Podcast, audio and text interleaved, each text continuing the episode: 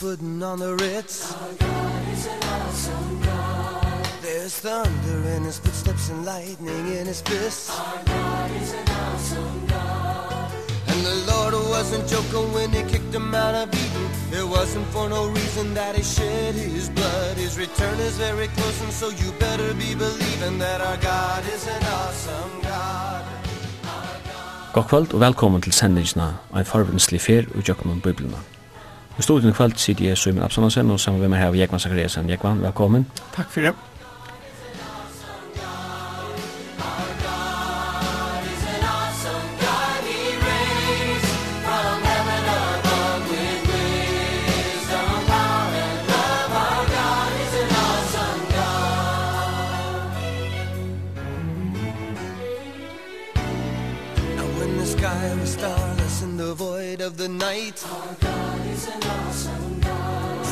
spoke into the darkness and created the light. Our God is an awesome God and Judgment and wrath he poured out on Sodom. And mercy and grace he gave us at the cross. I hope that we have not too quickly forgotten That our God is an awesome God. Our God is an awesome God. He reigns. Vi er kommet til 17. kongabok. Omlai fyrste triingren av 17. kongabrag omtalar tænastna tja Elisa, og Elisa var han profeter og hei tant Elias. Og i byrjanen av baugen sudja vid boar saman. Elisa engste tvifalt av anda Elias her. Og etter at Elias var ferdig til himmels, så stod Elisa fram for Israel. Alt luiv Elisa var heretter en åpenbering av goddommeligere kraft. Opprøsna kraften som er lust og i Nudja Testamentet er det som eikjenner loivet tja Elisa. Enda han var deir, lesa vi om opprøsningskraften Løyvi Hansen. Men hetta brøtti ikkje Israels rujtje. Ta tjekka med det undergrengi og i arne 621 ble fæltje kua og underlagt av syri og bostuflott. Om samme tog som Israels rujtje tjekkla grundar, var Ezekias konkur og Juda. Og Juda, det var som vi da var nevnt av sunnara rujtje. Av døven hans herra kom en stor andalig i vi rujtje. Ta Ezekias konkur hei størst og Juda i 14 år, kom kongurin Sankerib i Assyria og i møte Juta og kringsett i Jerusalem. Nå var lukk til at Judarujje fekk somme lakna som Israelsrujje. Men Falchi og Juda hei vant seg til god Harran, god Israels, og vi lesa at Isaias ber Ezekias og trøstar året fra Harran. Som og natt for Angel herrans rundt i heri Assyringa og hei kringsett Jerusalem, og han drep 145.000 hermenn, og morgun funnet alle alla lykjande lykjande Såleis bjerga i Herren Juda Rujtje undan Assyria. Ezekias blei søytni sjukur, og han fekk etter bøn 15 år lagt av treat løyvesøyn. Hese 15 årene var korsen ikkje noe gaut i. Det var under hese 15 årene at sonen hans herre Manasse var føtter, og han gjørtes den mest godleise konger som negrande her rått og juda, og rujtje tygdes nu av å byggve til dag. Ein en kom til hos søttni under Josias, og Josias han øtta eist herran størlige. Søttene kom så ærer godleise kongar æsne og juda, og at enda gjekt her rujt jo æsne til grunn der. Og jeg vann, jeg vet ikke om du har nekka leggja treat, eller kjem til søttene kongar på? Jeg har ikke så nekk som en engeng, utan det er at at det er området at jeg skiljer at søvan heldur an jo fra fyrre kongabok. Det er ønsken, det er ønsken som er hent i middelen eh, boa bøkene, og eisen jo opprunalige var hetta ein bók. Men nekk sættni i søvne eh, blei hetta skilt sundur til, til tver bøkur. Jeg vanliga oppbyde er kongabok i trutja parster. Eh, fyrsta parsteren er eh, Luiv og Tænasta, Eliasar, fra kapittel 1 til og vi 8. kapittel. Ta masse parsteren er Luivi i Israel og endi Israels og ta Sean tosar fra Ahab og hvordan hansara hus, kongehus, var fullkomlig øyt og hvordan god var det Joas kong og så tar jeg Israels, Israels rydde ble først og det utleggt som er omtala i 16. kapitlet så fra 19. til 16. kapitlet er det Israel og så er det Juda som nu sender ensamalt etter fra Ezekias konge og lukka til Israel 25. kapittel ta i rujur første i utleggt og i 506 furs av eh, Babylon Nebuchadnezzar kanskje som fullkomlig øyde tempelet så det er stuttum som er suttje er kongabok Hvis vi tykker at tænasen til profeten Elisa hon er ekvia sentral i 17. kongabok Ja, at det første åtte kapitlene er omtala Så leser vi om at eh, Gud har sagt vi Elias at du skal salva Elisa til profet etter det. Og han kom så her og og det stender at han fyllte hon. Og ta koma til Gilgal, ta koma til Betel og ta for iver om uh, Jordan så han. Ja. Og Elias sier vi han at du må ikke den ega æren vi kyljast. Og Elisa sverre at det lett tvifalt av andre tøynen falle av meg. Og til egentlig avverst, at lesa i tjøknum eh, det som hendur, og eisen så samanbera Elias og Elisa. Tog at eh, tar vi telje omtrende som Elias gjørte, så er det et hølv i halv Og så tar vi lesa om Liv Elisa, og telje omtrende som han gjørte, så var det 24. Så han fekk sitt innskje, bokstavlig oppfyllt. At han fekk tvifalt av signingsene som var av eh, Elias. Vi sykja ofta ni Elisa eh, i en halvt særlig situasjon og mm. pressær situasjon. Ja. Men eh, vi sykja han omgående motfallen på samme måte som vi møtte Elias. Nei, han er omgående nye tur som Nei. Elias er. Det er ganske hevnega vi tatt tvifalt av kraften som kom i hverandre. Det heter kan säga. Ori Elisa er et avhavverst år som verser god er frelsa. Og kanske eh, ekkjende til året eisende linde, eh, Elisa, at han sa at det er vogn, det er frelsa for framman, og han hei egene venta til alle tøyina, at god er frelsa mun. Etter at det var skildet fra kvarnøren, og Elias var ferdig himmels i stormen, og så kommer Elisa i om Jordan, ja. og hinne med en annen standa, nekker profeta lærer seg henne, og da det suttja han, da sjå han på avstand, så sa du der at Andi Elias er, han kviler av Elisa. Så det var en eller annen utstraling. Ja, det er det helst sikkert. Og det første oppgaven han fer, eller den første bøyren han vidtjer, da han kommer i Jordan, til det at han fer inn i Jericho. Ja. Og her står ikke veldig vel til. Nei, Jericho er ikke en så testlige søve. Så leser jeg røysene om at vattnet i Jericho var vanlig. Og det gjør det at kvinnerne hittir røys. Så at uh, det her kommer ikke lov i bøyen. Bøyen åtte ganger fremtid. Nei. Han var Han var faktisk deg dømt på ja. Ta er det at Elisa fyr ut her som uh, vattnet, kjeldan kommer opp, ja. og han kastar en skal vi salte i vattnet, vi er sånn åren, at her skal kvart komme deg, eller føying for tøyna, og så stender det at vattnet ble godt, og til det var lykka til henda deg. Ja. Hva som navnet kjallan kommer atter inn her, at god til frelsa, ja, såleis frelste god Jericho, fra hessar situasjonen, og i jøknum, profeten. Og så er det her vi opprøsne kraftene. Jeg husker også om at det stender om Jesus i Lukas 19, at han kom til Jericho, og han fører seg noen. Ja. Det var en bøyer som hei en kjeilig søve, kan du sige, på en gang mat. Ta Elisa fer ur Jericho, så heldur han leina fram, og han kommer til Betel. Her kommer han eget smadranger ut ur bøyen om Betel, ja. og ta heldur han for gjølter. Og ta sutja vi Elias som, uh, hva skal man sige, doms, eller den drepande profeten. Han banna dem navn herrens. Betel var jo, var jo en boi som hei en en en vekra søv. Ja, og i kontrast til Jericho så, så hei Betel en, en fantastisk søv. Er det noe vi kan lære fra sånn her? Ja, det, det er jo antallig paralleller som vi kunne dreja fra eh, slikon søvelig situasjonen som er det her. Og det som suttje halvtid er til at kjolt om en, en stavur som Jericho kan hava ringt åra av seg, så kan Gud vi nøye sinne gjøre noe godt for igjen.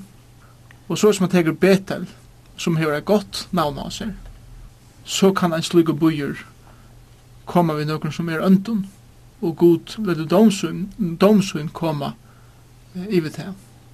Og kanskje det kan ta eisen suttjast, for jeg teker det inn i, inn i okkara situasjon i det. Jeg vet ikke mengen etter til utvarstes, hvordan det ser ut, og døme etter tog men god hygger etter innanfra, og hvordan situasjonen er nå, og dømer fra, fra tog. Så bedre at kunne ikke leve på færna sikninger? Nei, det kunne jeg ikke, og det kunne vi heller ikke. Vi må leve i noen, og hvordan er min støva nå, og ikke hvordan vi er en fire, fem år siden.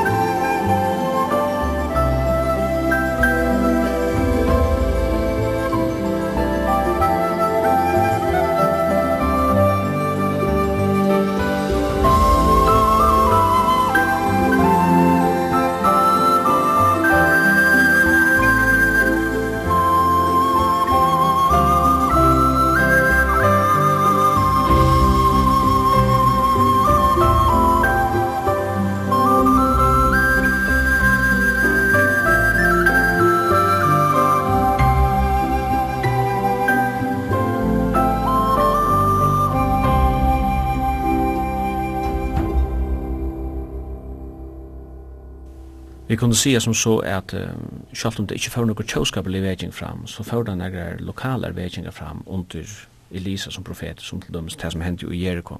Men uh, vi är nu kom till ett tojarskoj i Sövi Israels rujtjus, som nu är vi att komma ut ändan. Alltså, vi närskast det tojarspunkten ta och i asyrar komma och ger inras och följer gång till grundar och blir först utläggt. Och det som nämnt att säga bara att det blir först utläggt hva er det som hender egentlig, og hva er det som er kjenner syringer egentlig? Ja, vi, vi landsjåkken nå var 22 her alai, og Jeroboam, den annar konkurren, uh, som var konkur i 41 år i Israel, hei veldig stora politiska makt, så det er ut til å være. Men mævren sjálf var ønder, og han tilbe gullkolvar. Vi leser det her i fyrstene kapitlet fra 23. og 24. vers. Vi kunne lesa 24. vers, han sier han, sier bare til Jereboam, gjør det som ønt var i egen herrens. Han veik ångar fra av synden og Jereboam, så til sjående Jereboam den første, første kongen i Israel, hei gjørst og finnes Israel a gjerra. Så det var det at han, han tilpe avgodar. Men uh, Som tog gonger god hever dømt Israels rujtje er ferdig utleggt. Og til nevner Assyrar, og til nevner eisen i året utleggt. Assyrar var barbarar. Og tar bo eh, langer nord-estre i rujtjen faktisk herlei som Irak og Iran er det det. Var, var en ekvile barbarisk eh, tjå. Her, herførsla var grusom, kan man godt sige.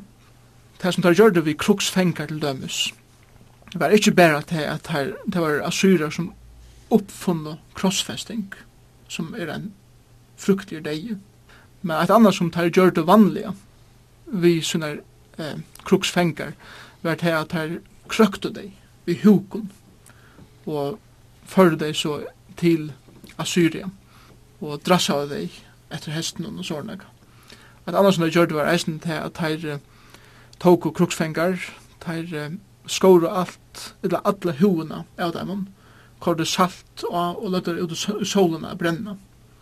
Hatta var folkasleie som kom til Israel og tog gudsfolk i utleggt. Og tog sig utleggt, så, så fyrir så lattelig av varren okkar. Men vi må reina se det inn ui hva det innebyr. Og vi kunne kanskje hugsa om til at hva hei det eisne innenbore for okken føringar er færre utleggt. Det er mest simpelthen til at tarra flagg var tidsi nyer, tarra kongur og kongadømme var kjørst enda av. Foreldre og bøden var skilt fra hver øren. Bøden så foreldre sinne var slakta i, foreldre så sinne bøden var slakta i. De var tidsin fra sin egna heime, som var rant knust og nybrent. Og det var ført til et fremmat land, et fremmat mål, en fremmat kultur, noe som de alls ikke kjente til. Og hokse om langslen etter foreldren, etter familie, om langslen etter å være ute i grannaland som han vokste opp i. Alt det, alt det fundamentala for livet er rikt fra en. Og det var det som hendte for Israels folk, og settene for judafolk. Kvoi, tog at høyde avgjørst ikkje a fylgja gode etter. Og det var etterfylgjene. Og av alvorligheten i at være gode og god spåvun og løy. Og som ikke kan det være vi har nevna da du kommer inn på assyringar, det er en annan profeter. Og det er profeteren Jonas som levde om som tog. Vi vet at at årherrens kom til Jonas og god sier vi han, fær til Nineve. Og Nineve, det, er, det var i høvestavren i Assyria. Det var det, ja. Og ønskapen med Nineve var større for å tale med Nineve. Og han får en dagsfyr inn i Nineve. Ja. Og sier at om fjøret det er, skal Nineve være lagt i øye. Og ta hendte nægge, som omgang i henne i Israel. Ta hendte mitt og i høvstaden i Syria. Det var den Nineve-menn, både i første og vende opp. Det er helt fantastisk å sutja. Hvordan er ærlig skriften er? i fire. Skriften rønner omkant det at jeg sett denne glorie av Israels folk men han viser fullkomlig eilet her at hedningene var her som vende vi til Gud, men utvalda Guds folk, vende Gud, gode bætje. Og Jonas eh, levde eisne og eisne tøyen, eh, men Jeroboam det andre var konkur, og han profeterer jeg som tøy som Amos og Hosias profeter. Og Jonas vil eisne nevntur vi navnet i 17. kongabok, i hessen kapitlet, i 14. kapitlet, vers 25, her leser vi etter åren, etter han profeterer, og i herren god og Israel sier, tala vi tænare synen Jonas, profeten, og så har vi sånn den heila boka av Jonas, som vi så settene for å komme til. Og jeg for sant, eller jeg skiljer vel Jonas, menneskelig å se, at han flytja fra god og ikke ville færre. Tog jeg vil det var tås om hvordan barbariske syrer våre, og at hugsa seg til at han usra smaver, som var fortjende Assyra, kommer til Assyraland, til høvestegin, kanskje utenfor kongsborgene sjølva, at kunngjøre er god for å døme dekken. Og det som Jonas sier fyrir seg er til at han var tidsen fengar, og det var kjørst vi han, som vanlig var kjørst vi kruksfengar, og tog rønti han at flutja, men god let han ikke sleppa så langt. Og at han har boa døm i venninne ved, bojen skulle være lagt i øye, så setter han seg utenfor bojen, jeg hittar hos bojen for å gengast. Jeg synes han fyrir meg som en uh, maver som sier seg at hitje etter en god fotbollstiste vi popcorn og kanskje coke i hånden og gledes til for å hva for henta men god uh, i nøye sinne sparte boi Jonas vant en søta hevnt ja, det vant en som en nationaler gjøte ja. og så sier god at jeg skulle ikke tidsi synden inne vi her var morgen tøll for 2000 mennesker byggva som ikke kjenner venstre for akkur og nek kruja tur nemlig. En annan profeter som står fram om som tog det er Isaias. Isaias profet, ja. Og han er aktiv hersuri og juda, men han profeterer øyne om Israels rujt, han profeterer øyne om Danorara rujt.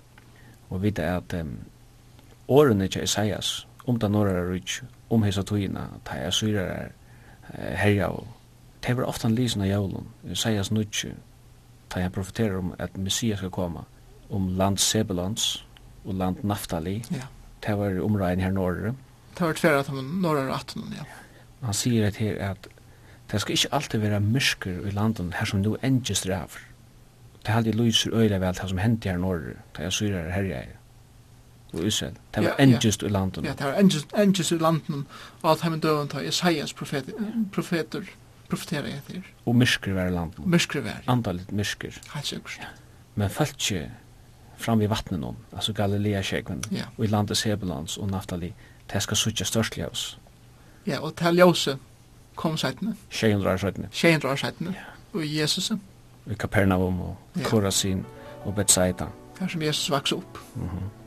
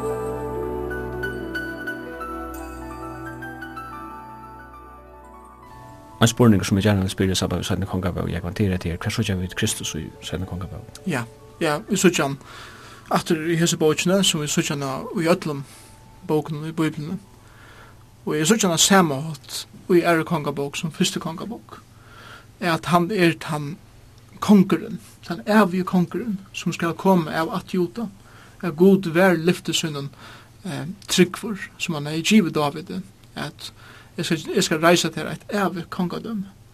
Og selv om jeg så kongan fotla, så kom Jesus av at juta, bokstavlige, som min sanne og rattvise kongeren. Og i Matteus 12, 24 til dømes, eh, ver Jesus samanbore ved Salomon. Og det har sagt eh, om Jesus at nega større enn Salomon er her.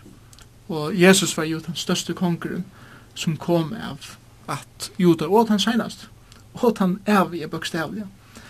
Og det tar døyre bare vi visen her at god til vi giver et lyfti om at en evig konger skal komme av at juta er til at han evig kongeren som var oppfyllt og søvlige og i føying Jesus er er til at han lever enn i det. Kongeren, kongaatten, judaat, lever enn i det. Og Jesus er i himmelen i det og for en det å komme etter etter falske synum. Og jeg ønsker uisen her er at heita så innaliga av de som, de som lusta at djeva sitt liv til henda kongen som er livandi i det. Og han er han som hever bjå okkur liv, han hever bjå okkur ikkje best et liv med et liv her, men et evigt liv. Og til evig liv kunne vi best få vi at tryggva Herren Jesus Kristus, og at venda vi fra synden okkara og djeva okkon fullkomliga til han. Han sender åpen og han djeva okkon liv. Til ein dag fyrir han kom atur og ta fyrir han koma som en domar og døma han heim. Men han stender vi öppnen armen og bjóar einan og kvarjum Luga mykje hver man er, luga mykje hver man er fra, luga mykje hver man hever gjørst vi her i livet. Luga mykje kusse livet ser ut. Så er det ångande så ringt at det er utanfor nøye gods, nøye Jesus her. Og tog innskje heida til hva jeg lort er at, at om du innskje gjør til liv til Jesus eh, ukvöld, bænt nu som vi tåse her, så kan du bare råpa til han nu og be han fyrtjøda syndetøyner og komme inn i tøyt liv. Og han skal gjeva der et evet liv. Vi er vi å kommet fram til endan av søv i Israels, eller Israels rujtjus. Ja. Yeah. Som sagt var det assyrere som gjør det av i Israels rike. Det endar her. Faktisk ble først til utlegg. Men vi leser også om at uh, assyriska heimsvelte det skulle jo også gjøre av i judarrike. Og kongeren Sankerib ja. i Assyria, han fører mot juda. Og han kringsett i høvestagen i juda, Jerusalem. Men i, eller, i judarrike tar hver en andalig vetsing under Ezekias kongen men folk vendi og vi til herren. Og så færer kongren Ezekias et brev fra Sankerib, og i tog breven stendte mengt og mykje, mitt landa er til ønsken goder allar hjørn som blir fører fyrir a bjarga folk sitt undan hånden munnen. Og um, hetta brevet teker Ezekias og, og fyrir fram fyrir god og legger det fram, og det er akkurat som at han sier vi god, hette tog problem. Ja. Han sier vi god, god, her er en konkur som sier han er større enn du. Hva gjørs det nu? Vi kunne gått uimynda okna i i virbengen, men vi lesa om at Isaias ber hun trøstar år fra herranen. Så stendur nega uh, nukur år a lesa som uh, er skriva i åtta nega dramatikk, og det stendur at som nått for angel herrans rundt og i heri av syringa, og han drep 145.000 hermenn, og morgunen funnet der atlelikjande luik og så lest enda et han hersetningen. Jeg synes ikke selv som jeg kan at hadde skrivet utan ekka dramatikk. Men jeg tykker at, at hendingen hever ikke ekkert stedelig fyrs. At Angel Herrans kom om nottena og bare tog løs andan ur 145.000 mann og at det ikke var nega øyelig tråp og skrutsk og så videre. Og det er funnet allan herren utrutta igjen. Det som er avverst er eisne i det at arkeologer har funnet en steintalve som uh, er skrivet av Sennakrib, kongen sjálfum, eller uh, hans herre om som hending. Og her stendur ikke om at han misti 145.000 manns hessa nottena. Men det sender best at han fyrir Israel og kom heim. Så han fjallte ut hivur sin egna, eh, sitt egna tep. Men Bibelen sier okken at han misti 145.000 manns, og det var tog han for heim. Hvis vi lykkes som gjør status her, vi søver Israels og søver Juta, så sørger vi at Israel er først utleggt. Ja. Uh, men Juta uh, tar, tar førte et svujande tab iver uh, Assyra. Og så held Juta rujtje fram nøkker ara tre at gussi. Ja, det gjør det. Og grunden som vi eisen gav i seneste sending vi er nemlig at han er at ui Juta var det kongar som fyllde god i etter. Og tog fekk juda en langre livet tog, om lai 130 år.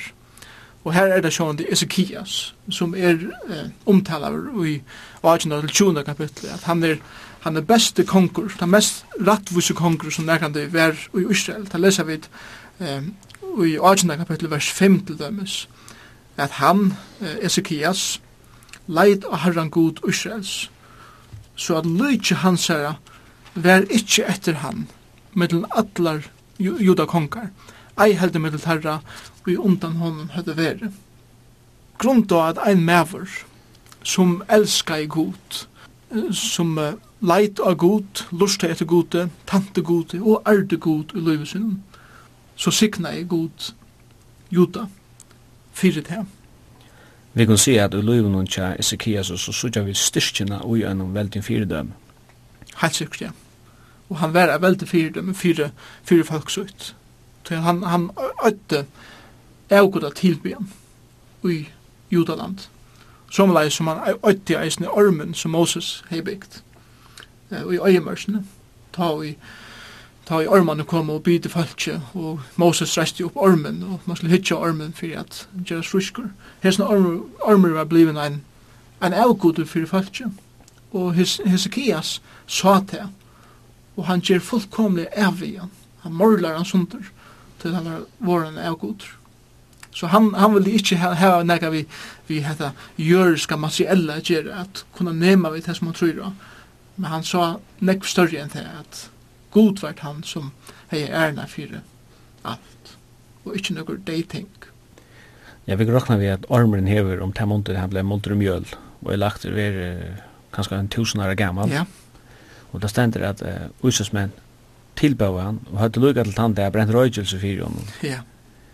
Men ormeren var jo et fingrapøyk om nega halt anna, nemlig det som Jesus sier, ans og Moses lytter på armen i øyemarsen, så leska menneskasånen være litt opp for hvert han tror skal ha evet liv i honom, altså i Jesus Kristus. Så armeren var ikke seg selv. Han var en mynd av en øren som kom og skulde, som eisen skulde være litt opp. Men også som han kallar han for Nehostan, og Nehostan merker så vidt det var et kåperpette, så man kan si at et profetisk fingerpøy, det var blitt reducerat til et uh, fysisk ting, et kåperpette.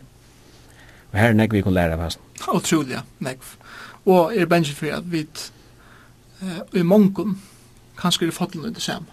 Og vi, vi må hugsa om om nega sort er i om mitt personliga liv, om nega sort er i mine liv, så må jeg eisne teka det og knusa det og mela det til mjøl og få det borste fra meg til at det for å få mer og i at kunna brukas for god og at han hatt som han er kunna brukt nu. Og hette er ikke best til meg sjálva, men dette er for jokken öll som hører herran til, bare som eistanglingar og som samkommer. Og i samband med godstyrkan så må vi komme langer enn bare til tradisjon og liturgi. Vi må sutja Jesus. Vi må komme inn i livande samfunnet ved Kristus. Det er det som teler og ikke anna. Ja. Det er mengt og mykje man kunne sagt at det om judarujje, men vi er inne på før at uh, vi kommer nå satt inn i krønnebøkene som bare vi vujja judarujje. judar. Ja. Vi kunne kjøtt komme ut til situasjonen, vi kunne enda sækka og kunne kjølver, nok sånn jeg. Ja. Så har vi kjøtt oss inn på utstressrujt som nu er. Nemlig. Ikke til grunn der. Vi færa at enda fyrir kvöld, og jeg kan ifra enn fyrir takka deg fyrir du vil være vi. Ja, takk fyrir. There's thunder in his footsteps and lightning in his fists Our God is an awesome God. And the Lord wasn't joking when he kicked him out of Eden It wasn't for no reason that he shed his blood. His return is very close and so you better be believing That our God is an awesome God. Our God